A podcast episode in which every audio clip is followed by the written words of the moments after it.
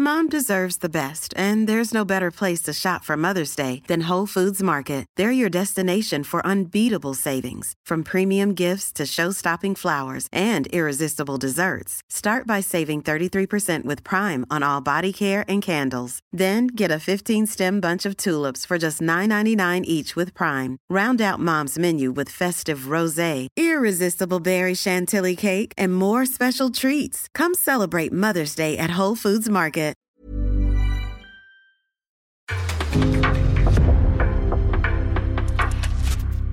En podcast från Aftonbladet.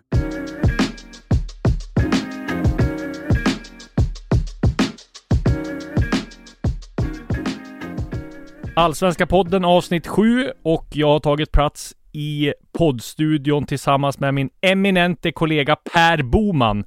Och det är väl ingen idé att spara på krutet. Vi har en hektisk vecka. Vi har haft en hektisk helg bakom oss så att eh, vi kör igång direkt. Ikväll är det ett AIK mot Malmö FF och sen sätter det igång med den åttonde omgången i helgen. Men först ska vi gå igenom lite grann några snackisar som har blivit klara och massa saker som har hänt här senaste dagarna. Vi kan väl börja med AIK då. De presenterade John Guidetti här, tre och ett halvt års kontrakt.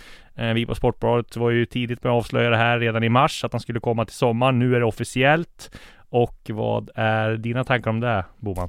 Eh, ja men först och främst så känner jag väl att det är bra att han tog sitt förnuft till fånga på något sätt. Jag menar, det är inte så att jag på något sätt, eh, ja men jag fattar ju att han har varit kvar länge, länge ute i Europa. Dels för att upprätthålla statusen som utlandsproffs i bra ligor. Dels för att man tjänar mycket pengar givetvis och dels för att man kanske, kanske ändå tänker att det är närmare landslaget där. Men jag tyckte att det har varit lite tråkigt som många andra att hans karriär liksom har försvunnit ut i intet lite på det sättet trots att han ju bara är 30 år gammal. Fyller 30 eller har han fyllt? Ja. Han fyllde bara för någon vecka sedan tror jag. Just det, just det.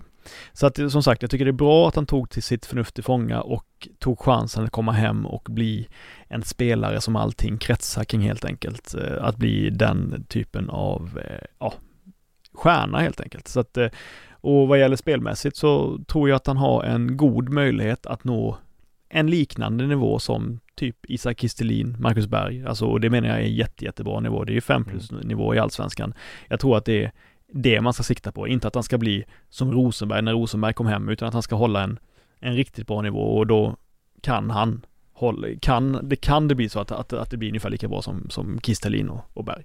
Ja precis, jag pratade lite grann med eh, AIKs chefscout Tobias Ackerman som har följt John Guidetti sedan han var sex år tror jag, haft han i BP's skola och allt det där. Och han berättade då om att de hade varit över eh, flera gånger till Spanien och eh, han hade smugit i buskarna där på alla västträning för att se liksom säkerställa att han var fit for fight och det var ju då de skulle ta han redan i vår. Eh, de trodde de skulle få honom innan transferfönstret stängde då. Så han verkar ju, det verkar ju vara, han skickade över sin personliga tränare Boda Jari för att de skulle hålla igång sådär och Ackerman menar ju på att han inte alls är orolig just det här med formen. John Guidetti liksom en träningsnarkoman, man får snarare hålla tillbaka och sådär. Så att det, det båda är gott. Men sen menar jag på, jag tror vi var inne här på någon podd tidigare också, att jag tror ju att det kan vara bra att han kommer nu än att han hade kastats in under deadline day. Då hade han, säg att han hade blivit klar under deadline day. Då hade han fått en eller två matcher och han skulle matchas in direkt. Då hade de liksom inte värvat Jordan Larsson. Då hade det blivit en stress och en press på att de skulle prestera.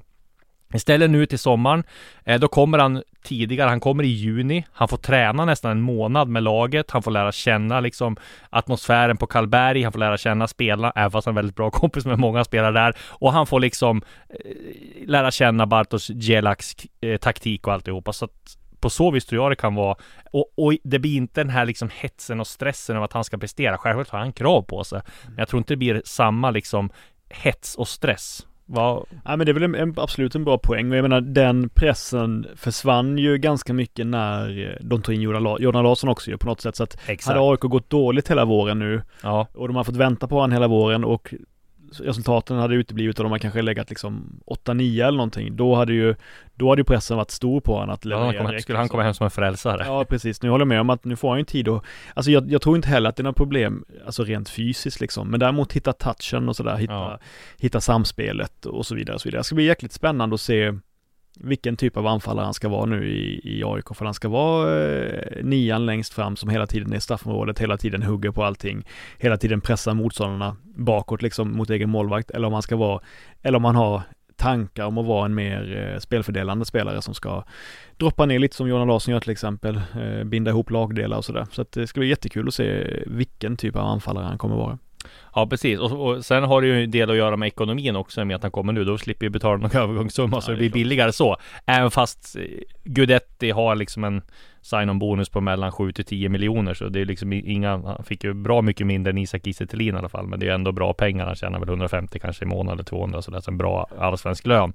Eh, men eh, det ska bli väldigt intressant och eh, se honom och det liksom adderar ju liksom en stjärnglans till, till allsvenskan igen får man säga. Det var väl du var där på senaste matchen när de körde John Guidetti-sången mm. där. Det var liksom lite... Ja, lite... nästan masshysteri. Ja. Det måste man säga, absolut. Men det är, det är ändå nyfiken på, du som har bra koll på det disco med, med sign-on bonus och sådär, med, med, med, det som har kommit till framförallt Kistelin men också även då Guidetti. Har, det, har den nivån, tror du att den har höjts sista åren? Eller? Jag tror att den har höjts för Malmö. Mm. Och sen Malmö och Hammarby är de som betalar mest. Eh, jag vet att hemvändarna, Travalli fick ju riktigt bra.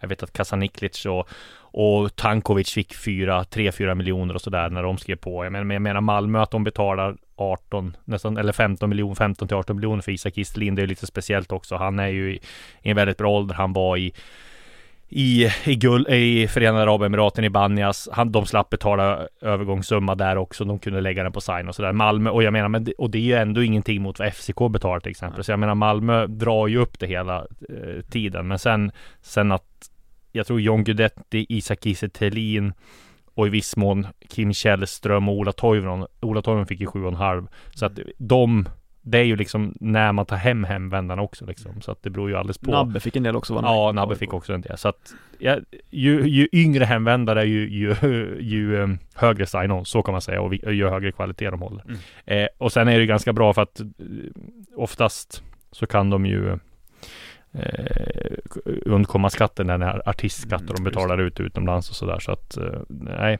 jag har ju svårt att se att det inte ska. Jag har ju trott att han ska göra tio mål här under de matcher han spelar och jag har svårt att se att det ska bli en misslyckad affär. Han, de kan ju liksom använda sig av Gudetti i all marknadsföring. Han säljer loger liksom. Det är inte som när, när de tog hem Majstorovic en gång i tiden. De trodde att en mittback skulle sälja loger på, loger på Friends. Det var inte, var inte samma skjuts. Nej, men det ska bli intressant att se. Och eh, ska vi ta den direkt då här, Malmö-AIK, vad tror vi om den matchen? Det är uppsnack som när den här podden släpps så är det väl 5-6 timmar innan matchen börjar. Det är, jag ser ju i alla fall att eh, det kommer bli framför mig en more snore match. Eh, 0-1, 0-0 eller 1-0 är väl ganska låga odds på att det blir. Men eh, det ska ändå bli spännande att se vart AIK står och vart Malmö står utan bland annat Isak Kiese Ja, exakt. Ja, men 1-1 eh, tror jag på då. Men, eh, men, men, men om man... Men om Vilka man, roliga resultat! Ja, exakt. Nej, men om man, om man, om man pratar lite så här om Malmö, vilket jag tycker, liksom, jag har funderat mycket på det här med deras extrema spelschema och extrema skadesituationer. Det är givetvis varit mycket, mycket jobbigt att hantera hur, hur bred trupp man än har. Så jag verkligen, jag har landat i det att skulle Malmö klara kryss borta mot AIK och kryss borta mot Djurgården eh, givet liksom. Nu vet jag att en del spelare kommer tillbaka eh, nu mot AIK och även mot Djurgården sådär, men skulle man klara kryss i de matcherna givet omständigheterna så tycker jag det är mycket, mycket, mycket bra resultat för Malmö. Absolut. Det är liksom inte, jag vet att det är svårt, det är inte Malmös självbild med all rätt att någonsin nöja sig med ett kryss, men jag tyckte att de var kloka och värderade läget rätt borta mot Hammarby och inte satsade på mer än man klarade av. Nej. Finns ju, nu har de ju lite bättre lag de här matcherna, men det finns ju risk att, att det kan bli liknande igen då, att det blir ganska tuffa matcher och svårt. Så nu tror jag det kommer att vara jämnt, jämna matcher både mot AIK och Djurgården, men att klara de kryss de här två matcherna och har klarat av alla de här tuffa bortamatcherna så här tidigt på säsongen, så, så eh, då spelar det ingen roll om de skulle ligga fyra till sex poäng bakom de som ligger etta, för de har ju alla möjligheter att gå liksom rent under långa perioder sen mm. på sommaren. Så att jag, ja, jag, det, jag var sjukt imponerad av hur de till exempel klarade av matchen hemma mot, mot Mjällby med, med det laget. Till slut så var det ju i princip inga äldre spelare kvar, utan det var ju. Nielsen, Hadzikadunic och Penja som höll ihop det på något sätt och Ja, det var, det var strångt. Men känslan är ju ändå att det finns ju både en och två växlar till att ta av i Milos Milojevic lagbygge. Vad, Säger de det? Alltså, ja, absolut. Men det, det, det, det är ju ofrånkomligen så när man har så många spelare borta liksom. Alltså, jag... Eh, alltså jag, jag, eh, jag tycker på många sätt att det var liksom nästan mer imponerande det de gjorde mot Bayern och, och Mjällby än vad de gjorde mot eh, hemma mot AIK och hemma mot Blåvitt. Det var såklart mm. bättre insatser, det var bättre spel och mer chanser och det var ju sjukt imponerande på det sättet. Men jag tycker att givet situationen så var det nästan ännu mer imponerande det de lyckades med mot Mjällby och, och Bayern. Jag, eh, jag, eh, ja självklart, de, kan, de, de har spelat på en 3 plus nivå totalt sett, bortsett från backlinjen då som ju får man säga har hållit 5 plus med tanke på att man inte släpper in eh, i princip några Tre starka plus har jag givit Malmös, eller fyra svaga plus har jag givit Malmös säsongsinledning. Vad ger du den för betyg? Ja, jag, totalt sett så tycker jag att det är starka 3 plus till Malmö. Mm. Jag vill inte ge så mycket högre om de inte leder, Nej, leder allsvenskan. Då tycker jag att man kan nästan alltid kan, kan inte kräva av Malmö med tanke på skadesituationen. Men, men, men absolut starka 3 plus eh, ser jag det som en, deras inledning. Och AIKs då? Ja, det börjar ju... Oh, det, nej men jag, det, även där starka 3 plus. Jag, eh, har varit imponerad nu mot, mot slutet som många andra givetvis. Eh, det, det är ju det är ju, fanns ju viss oro efter inledningen med, med, eh, med försvarsspelet. Då tänkte man att det var något nytt att se AIK falla ihop på det sättet, särskilt när både Papadopoulos och Milosevic spelar ihop. Det, det, det, har jag inte sett tidigare, men det verkar ju ha varit undantag det. Eh, det är ju fyra raka matcher utan insläppt mål nu och framförallt ett allt bättre anfallsspel tycker jag var så jäkligt bra ut mot, mot Blåvitt. Precis, och när vi pratar om Blåvitt, där har det hänt grejer. Eh, det var jag och alltså, Micke Wagner här som eh, grävde lite grann i Tobias Sanagate som det nu heter. Mm. Och eh, där gick ju IFK Göteborg ut och sa att eh, han inte tränade eh, på grund av personliga skäl. Och eh, personliga skäl är personliga skäl sa Stare och man följt Stare under karriären så brukar inte han vara så där kryptisk. Han brukar vara ganska öppen och sådär så att man fattar ju direkt att det var någonting och det var det ju. Eh, Tobias Sano har ju liksom satt sig upp mot honom flera gånger under bland annat i derbyt mot Häcken och ifrågasatt taktiken, ifrågasatt pressspelet. Eh, han gjorde eh, det även mot Kalmar i halvtid, vilket blev droppen.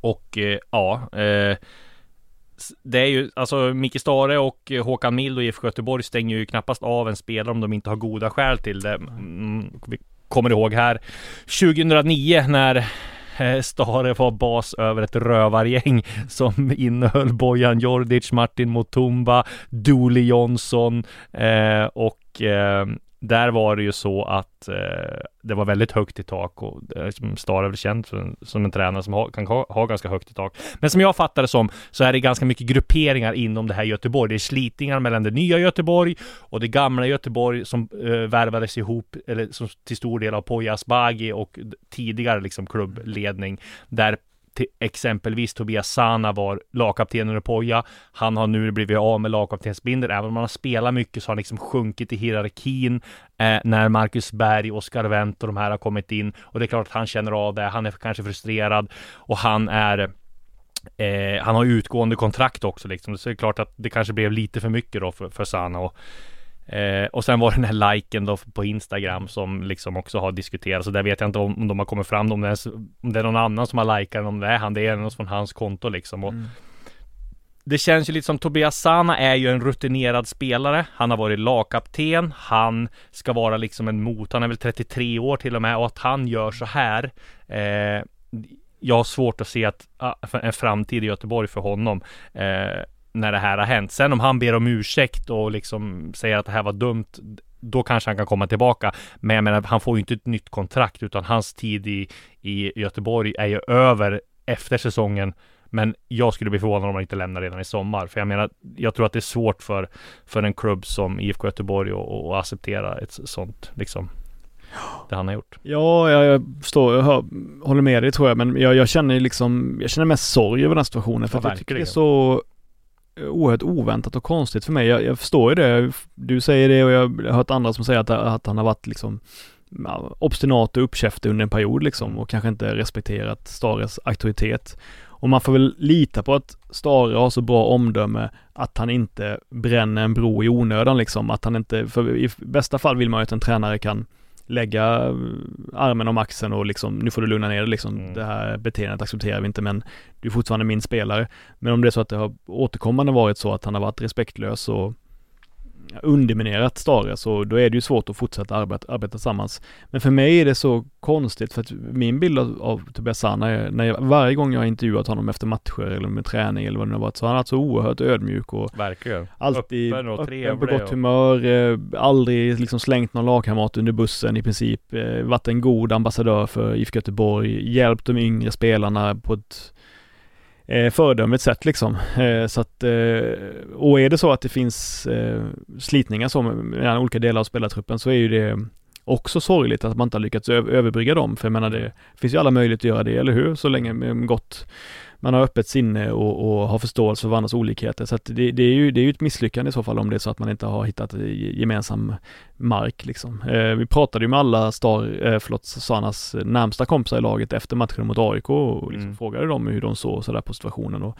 alla var ju tydliga med att de gärna har tillbaka eh, Tobias i, i laget men också så väldigt noga med att inte kritisera klubben så att hade det varit så att att det bara var en bagatell så hade nog flera av hans närmsta lagkamrater kanske sagt det att eh, nej, nu får klubben skärpa sig liksom. Mm. Men alla var väldigt tydliga med att de inte ville på något sätt ifrågasätta klubbens beslut att stänga av.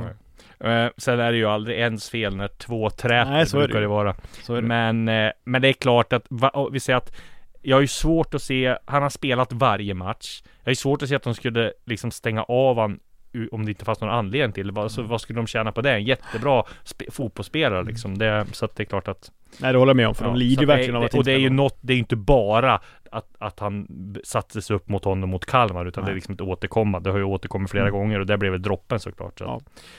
Ja, eh, tråkigt. En annan Mm. sak som också diskuterades vilt här Mm. i veckan. Det var den här intervjun med Kim Bergstrand. Jag vet inte, jag först när jag såg eh, intervjun så tänkte jag så här, ah, men eh, liksom Kim, nu får, får du skärpa liksom, det var, det var, löjligt. Men sen tänkte jag efter liksom att det, så jäkla farligt var det väl ändå inte. Och jag menar, eh, ska vi säga, en jätteduktig reporter och han gör ju inget fel i det här. Han sköter ju sitt jobb jättebra liksom. Men jag tyckte reaktionerna var så här liksom att oj Kim, det blir lite överdrivna reaktioner. För jag menar Kim, alltså att man är förbannad som tränare och snäser av en reporter. Att det måste ju hända varje i princip varje allsvensk omgång. Sen tror jag Kim har ju så mycket i bagaget eh, så att han får ju mycket skit av andra supportrar också. Jag tror att därför blir det större.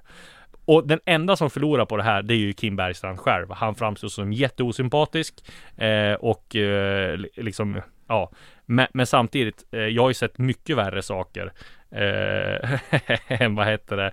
Eh, och mycket värre sågningar. Vi ska ta och lyssna på en sågning här av en eh, av faktiskt Stare. Så kan, kan vi lyssna på den här. Ja, Micke Stare, ni får med er en, en poäng från Råsunda.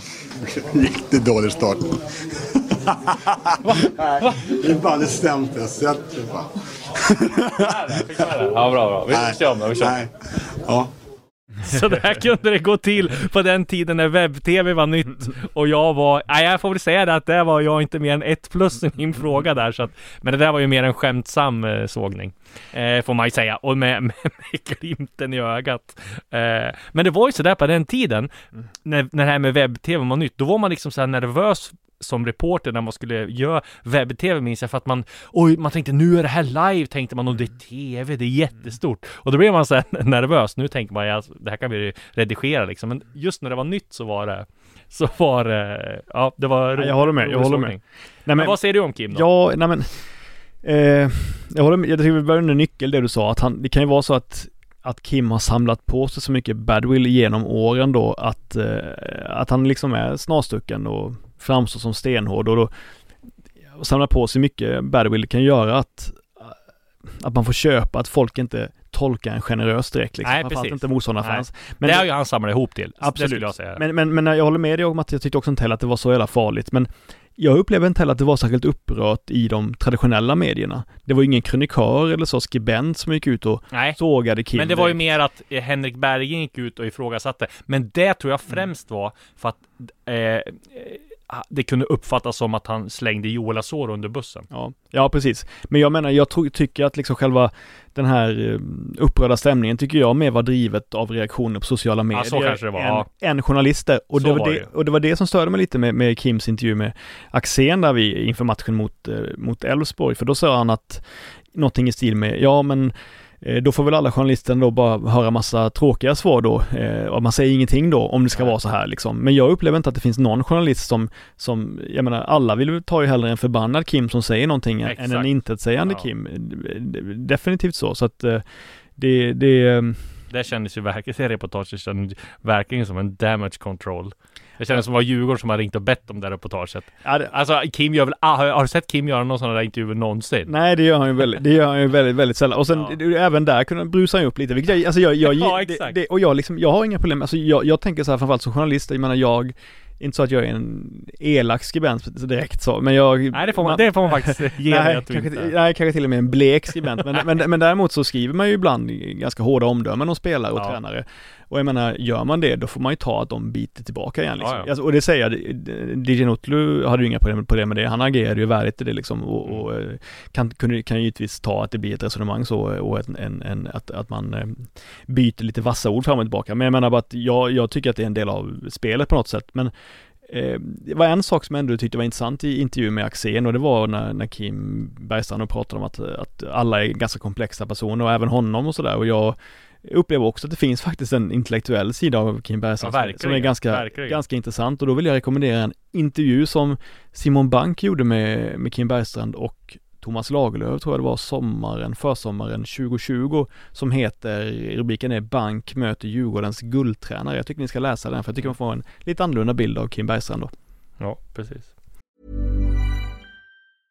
Ready to pop the question? The jewelers at BlueNile.com have got sparkle down to a science with beautiful lab grown diamonds worthy of your most brilliant moments. Their lab grown diamonds are independently graded and guaranteed identical to natural diamonds, and they're ready to ship to your door. Go to BlueNile.com and use promo code LISTEN to get $50 off your purchase of $500 or more. That's code LISTEN at BlueNile.com for $50 off. BlueNile.com code LISTEN.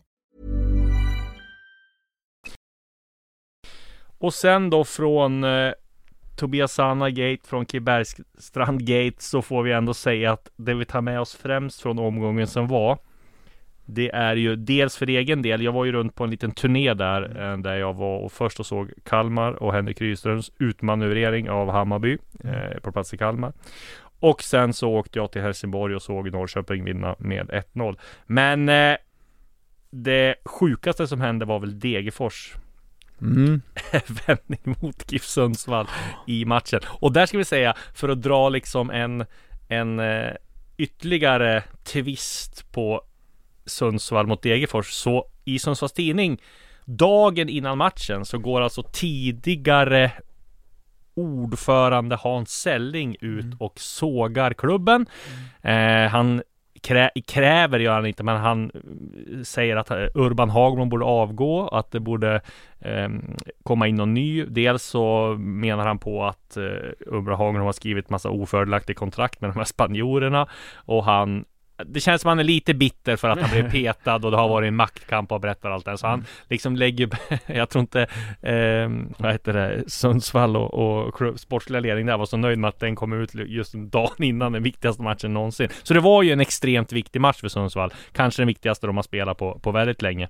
Med tanke på inledningen och med tanke på bottenstriden och hur tufft de har haft det. Och det börjar ju jättebra, 2-0. Sakko Ylätupa gör två mål och verkar ha fått en eh, ny vår om man får säga så. i- Ja, ja exakt. Ja, men det var ju det var väl en av värvningarna som var lite eh, extra intressant. Så jag tycker Sundsvall gjorde ganska många svaga värvningar, men just den av Ylätupa var ju, var ju lite intressant se hur han skulle funka i ett konstgräslag och jag måste säga att det var inte bara målen mot Degerfors, tycker jag var väldigt bra i spelet också. Mm. Alltså fördelade boll, rörde sig över stora ytor, så skarp ut, så sådär Ajax-mässig ut som man väntade på. Han skulle ju ersätta Kristoffer Olsson där, Ja, fast precis, de precis. inte vill erkänna Ja, det. i efterhand, ja. Nej, exakt. precis. Nej men jag tycker att, jag tycker att han var väldigt bra i spelet. Jag tycker Erik Andersson var bra i spelet också till exempel. eh, Så eh, såg eh, clean ut och bra. Eh, Men, men, men det som var ändå var det fanns ju någonting med det att Giffarna tilläts ha total, jag säger tillät snarare än att de, det var ju som Degerfors lät Giffarna ha total kontroll i första halvlek och det såg ju ganska bra ut.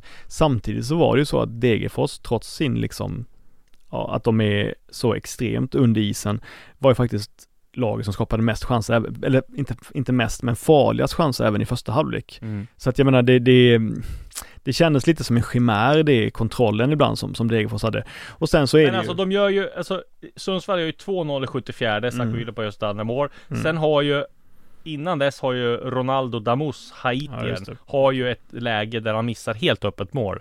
Eh, och 3-0 hade ju punkterat. Men sen så gör ju Saidi 2-1 i 83, 2-2 i 89 och 3-2 i 90 plus 4. Och vet du vad det sjukaste med allt det här är? Målen kommer till nästan på exakt samma sätt. Det är inspel och så får han stå fri i mitten av straffområdet och bara raka in bollen.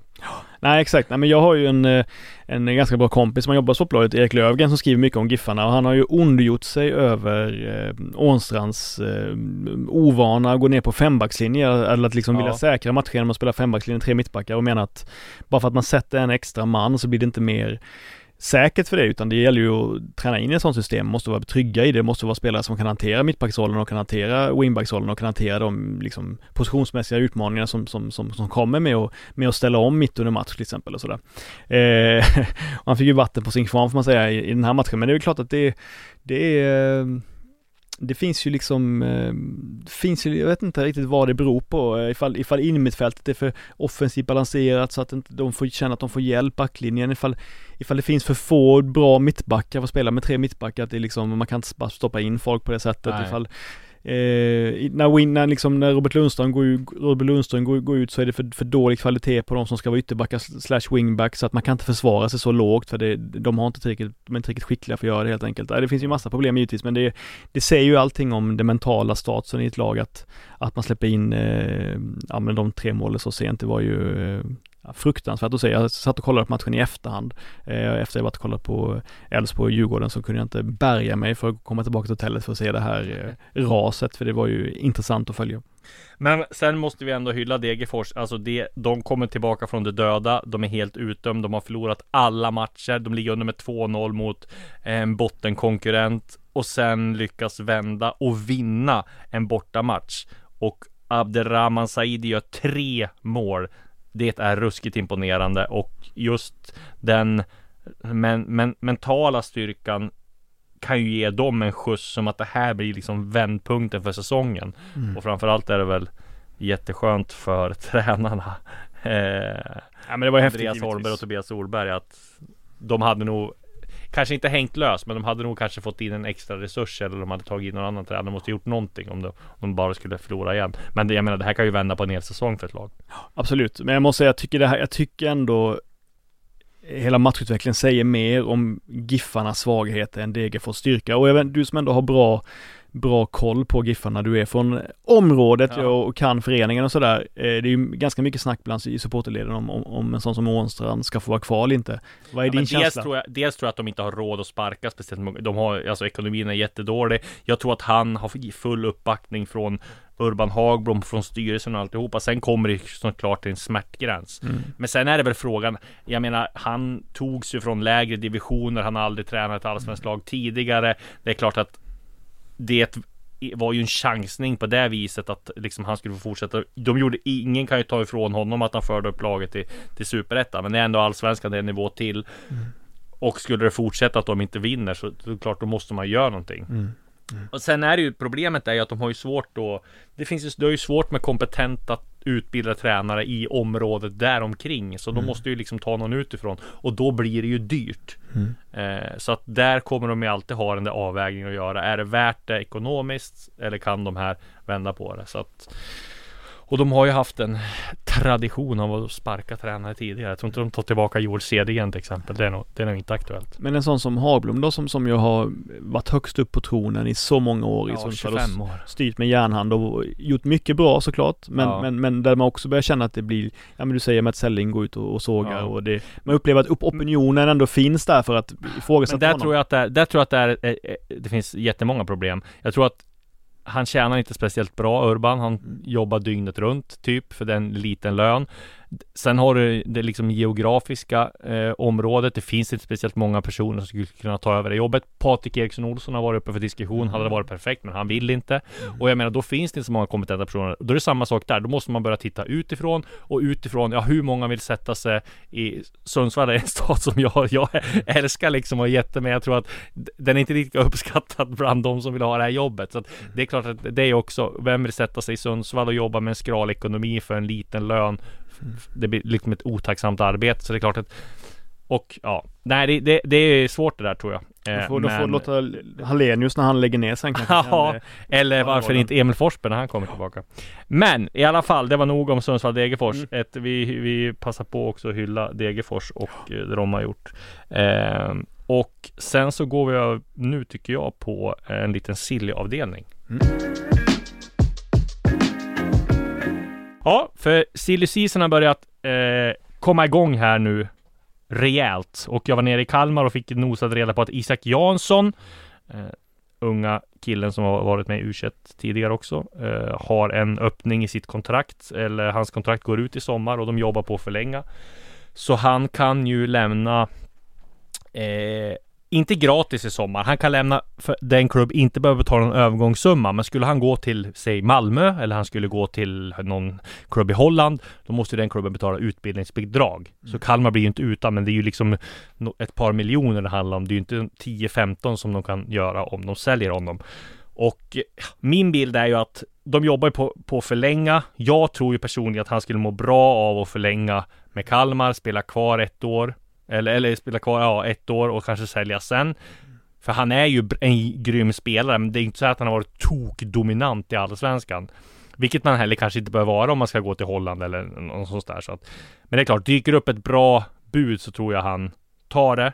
Annars så förlänger han nog med Kalmar med någon kanske öppning med någon klausul att han kan lämna för en billigare summa. Jag vet inte, vad är din bild av Isak Jansson? Jag, ja men det är intressant för om man jämför med en annan stor talang som ju var väldigt hypad i Kalmar, Nils Fröling, eh, så tycker jag ju att Isak Jansson är mycket bättre spelare än vad Nils Fröling var. Jag tycker Nils Fröling var ganska Alltså väldigt trevlig person och så och en duktig allsvensk talang men lite överreklam, överreklamerad upp, uppfattar jag i alla fall. Jag tycker Mm. Isak Jansson är mer på riktigt liksom. Eh, har, eh, jag menar jag tyckte Fröling var mycket fysik och, och, och så. Jag tycker Jansson har ju också en extrem snabbhet men även en bra spelsinne, bra avslut, eh, bra kombinationsspel. Eh, så att jag, han gillar jag verkligen eh, Jansson så att eh, jag tycker han är stor, där, där tycker jag absolut att de, jag menar jag pratade, vi gjorde ett program med Milos Milojevic för, för ett tag sedan i Sportbladet och då sa han, jag vill att Malmö ska bli som eh, Sveriges Bayern München, alltså att Mm. de ska plocka, plocka dem Alltså märker man av ett utgående kontrakt på en riktigt bra spelare inom allsvenskan man försöka ta honom liksom, ja eller Mm. köpa inom serien.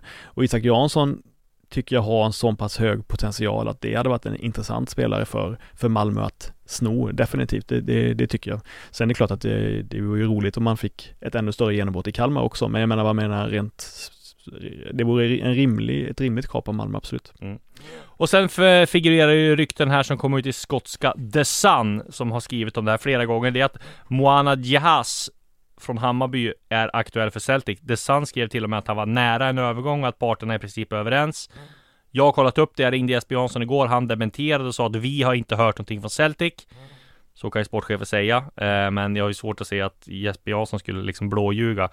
Sen kan det ju finnas ut, jag menar jag har ingen aning, men det kan ju vara så att han har en, en utköpsklausul, att han förhandlar sina kontrakt innan och sådär, men de får inte prata med någon spelare om, om de inte har gjort eh, budet. Så att vi får väl ta det med, hittills får vi ta det med en nypa salt att han är klar då, men att det finns substans i ryktet, det, det råder ju ingen tvekan om. De har ju varit här på på Tele2 Arena också och scoutat honom och har ju sett väldigt många matcher med just eh, Hammarby. Så att det är klart att mm, de är intresserade. Och det var ju som vi, var, var vi inte inne på det, när, vi hade med Jehas här när han kommenterade ryktet om Celtic. Eh, Och då sa jag att det vore ju en perfekt grupp för honom att komma till. Tycker Ja, jag. ja, absolut. Jag tror absolut, alltså det är klart att han har väl nu är ju inte, tror jag inte skotska ligan är sådär brutalt fysisk längre som man alltid sa att de var förr i tiden, Nej. eller hur? Att det var någon slags rugbyversion av Premier League nästan och det, det är ju överdrivet. Sen är det ju klart en mer fysisk liga än, än, än allsvenskan, men han har ju blivit bättre defensivt sista tiden. Ja. Han är ju mycket, mycket, mycket skicklig i, i offensivt. Inte bara att han gör poäng via liksom inspel och inlägg, utan han är väldigt bra på att hitta instick. Han, han kan centrera som vänsterback och bli en spelfördelande vid ytterback och liksom lite playmaker-typ nästan. Jag tycker han är jätte, jättebra och han har blivit bättre defensivt. Fått mm. ordning på sitt positionsspel och så, så att jag tror att han skulle klara det bra i Celtic. Det enda som är lite kul är ju att den som skulle kunna lägga in ett gott ord för honom i Celtic, det är ju Micke Lustig. Jaha, och, där, de, och de, har, de har ju haft en, jag ska inte säga infekterad relation, men det har åtminstone... ja visst, ja, derbyt Ja, exakt, men det, det har åtminstone varit lite, lite tjafs mellan dem, så man får ju se då om, om Lustig lägger in ett gott ord eller inte för honom. Bland annat så finns det ju väldigt många andra sp spelare också som har kopplingar till Celtic. Karl Starfelt mm. kan ju också lägga in ett bra ord där. Men det är väldigt många aik som har spelat i, i Celtic bland annat. Absolut. Alltså med, som har uh, koppling absolut, just med absolut. Lustig. Så att jag vet inte om det är en för eller nackdel då, om, man är Hammarby att komma dit. Det är ju samma färger i alla fall. Uh, ja exakt, nej men jag, det är klart att jag tror att han skulle alltså Celtic dominerar ju matcherna. Ja exakt, 95% av alla matcher i, i skotska ligan och eh, det skulle ju passa en sån spelare. Och, ja, och sen är det bra pengar. Det är ett hyfs, hy, hyfsad liga där han kan vara en stjärna och han tjänar jättebra. Han får spela i Europa och sen kan han liksom studsa vidare om han skulle lyckas. Och han är väl också 97 ja. tror jag va? Vilket gör att han kan ju inte välja att vraka direkt utan om, klubbar, om, om de största klubbarna har köppotential så är det ju som 25-åring är det ju är det ju liksom, är man ju nästan lite gammal numera så att mm. det då är det ju otroligt bra att kunna gå till Celtic.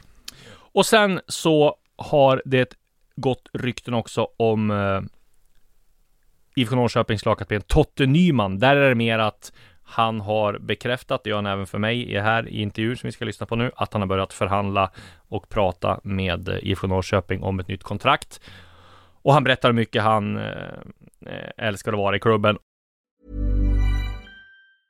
Mom deserves the best, and there's no better place to shop for Mother's Day than Whole Foods Market. They're your destination for unbeatable savings, from premium gifts to show-stopping flowers and irresistible desserts. Start by saving 33% with Prime on all body care and candles. Then get a 15-stem bunch of tulips for just $9.99 each with Prime. Round out Mom's menu with festive rosé, irresistible berry chantilly cake, and more special treats. Come celebrate Mother's Day at Whole Foods Market.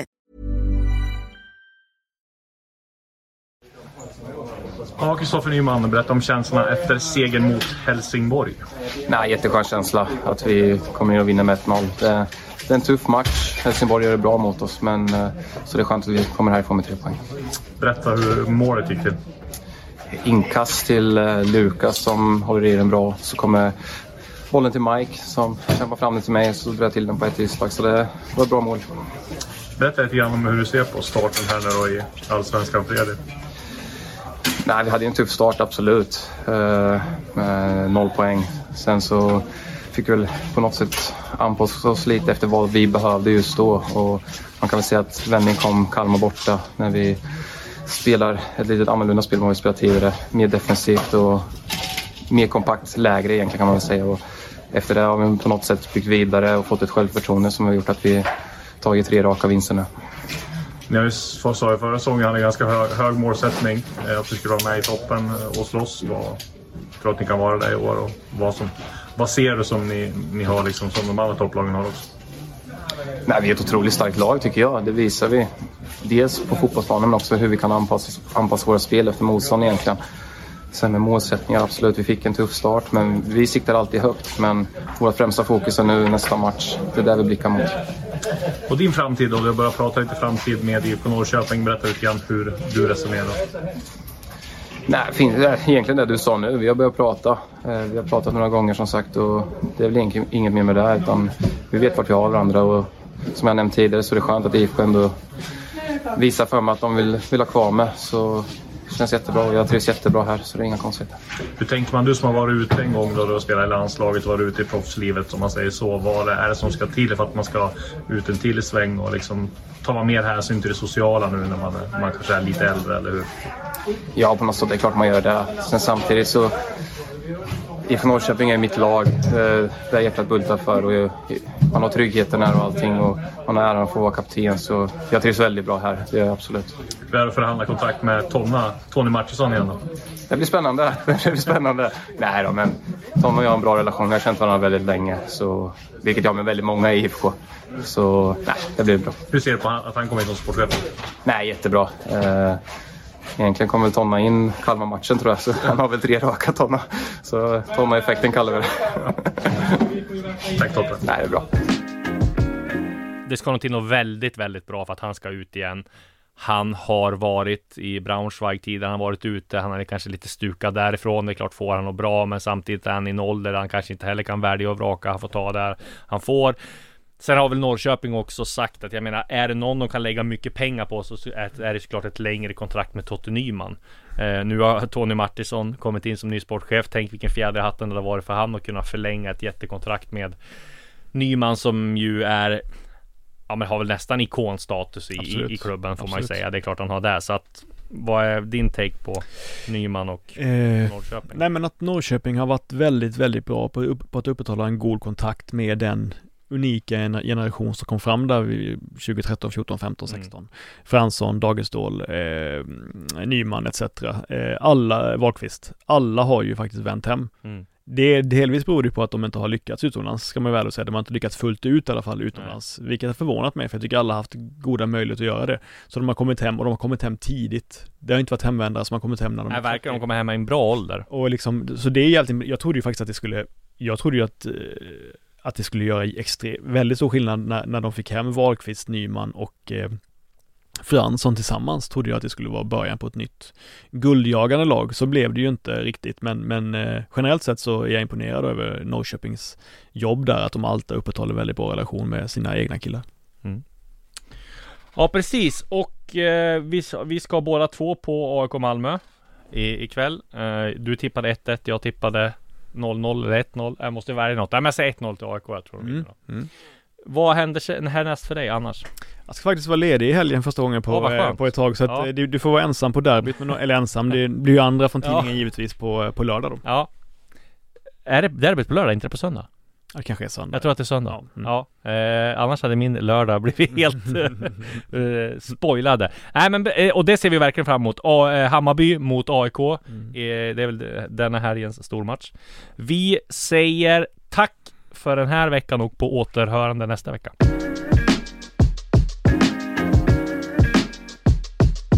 Du har lyssnat på en podcast från Aftonbladet. Ansvarig utgivare är Lena K Samuelsson.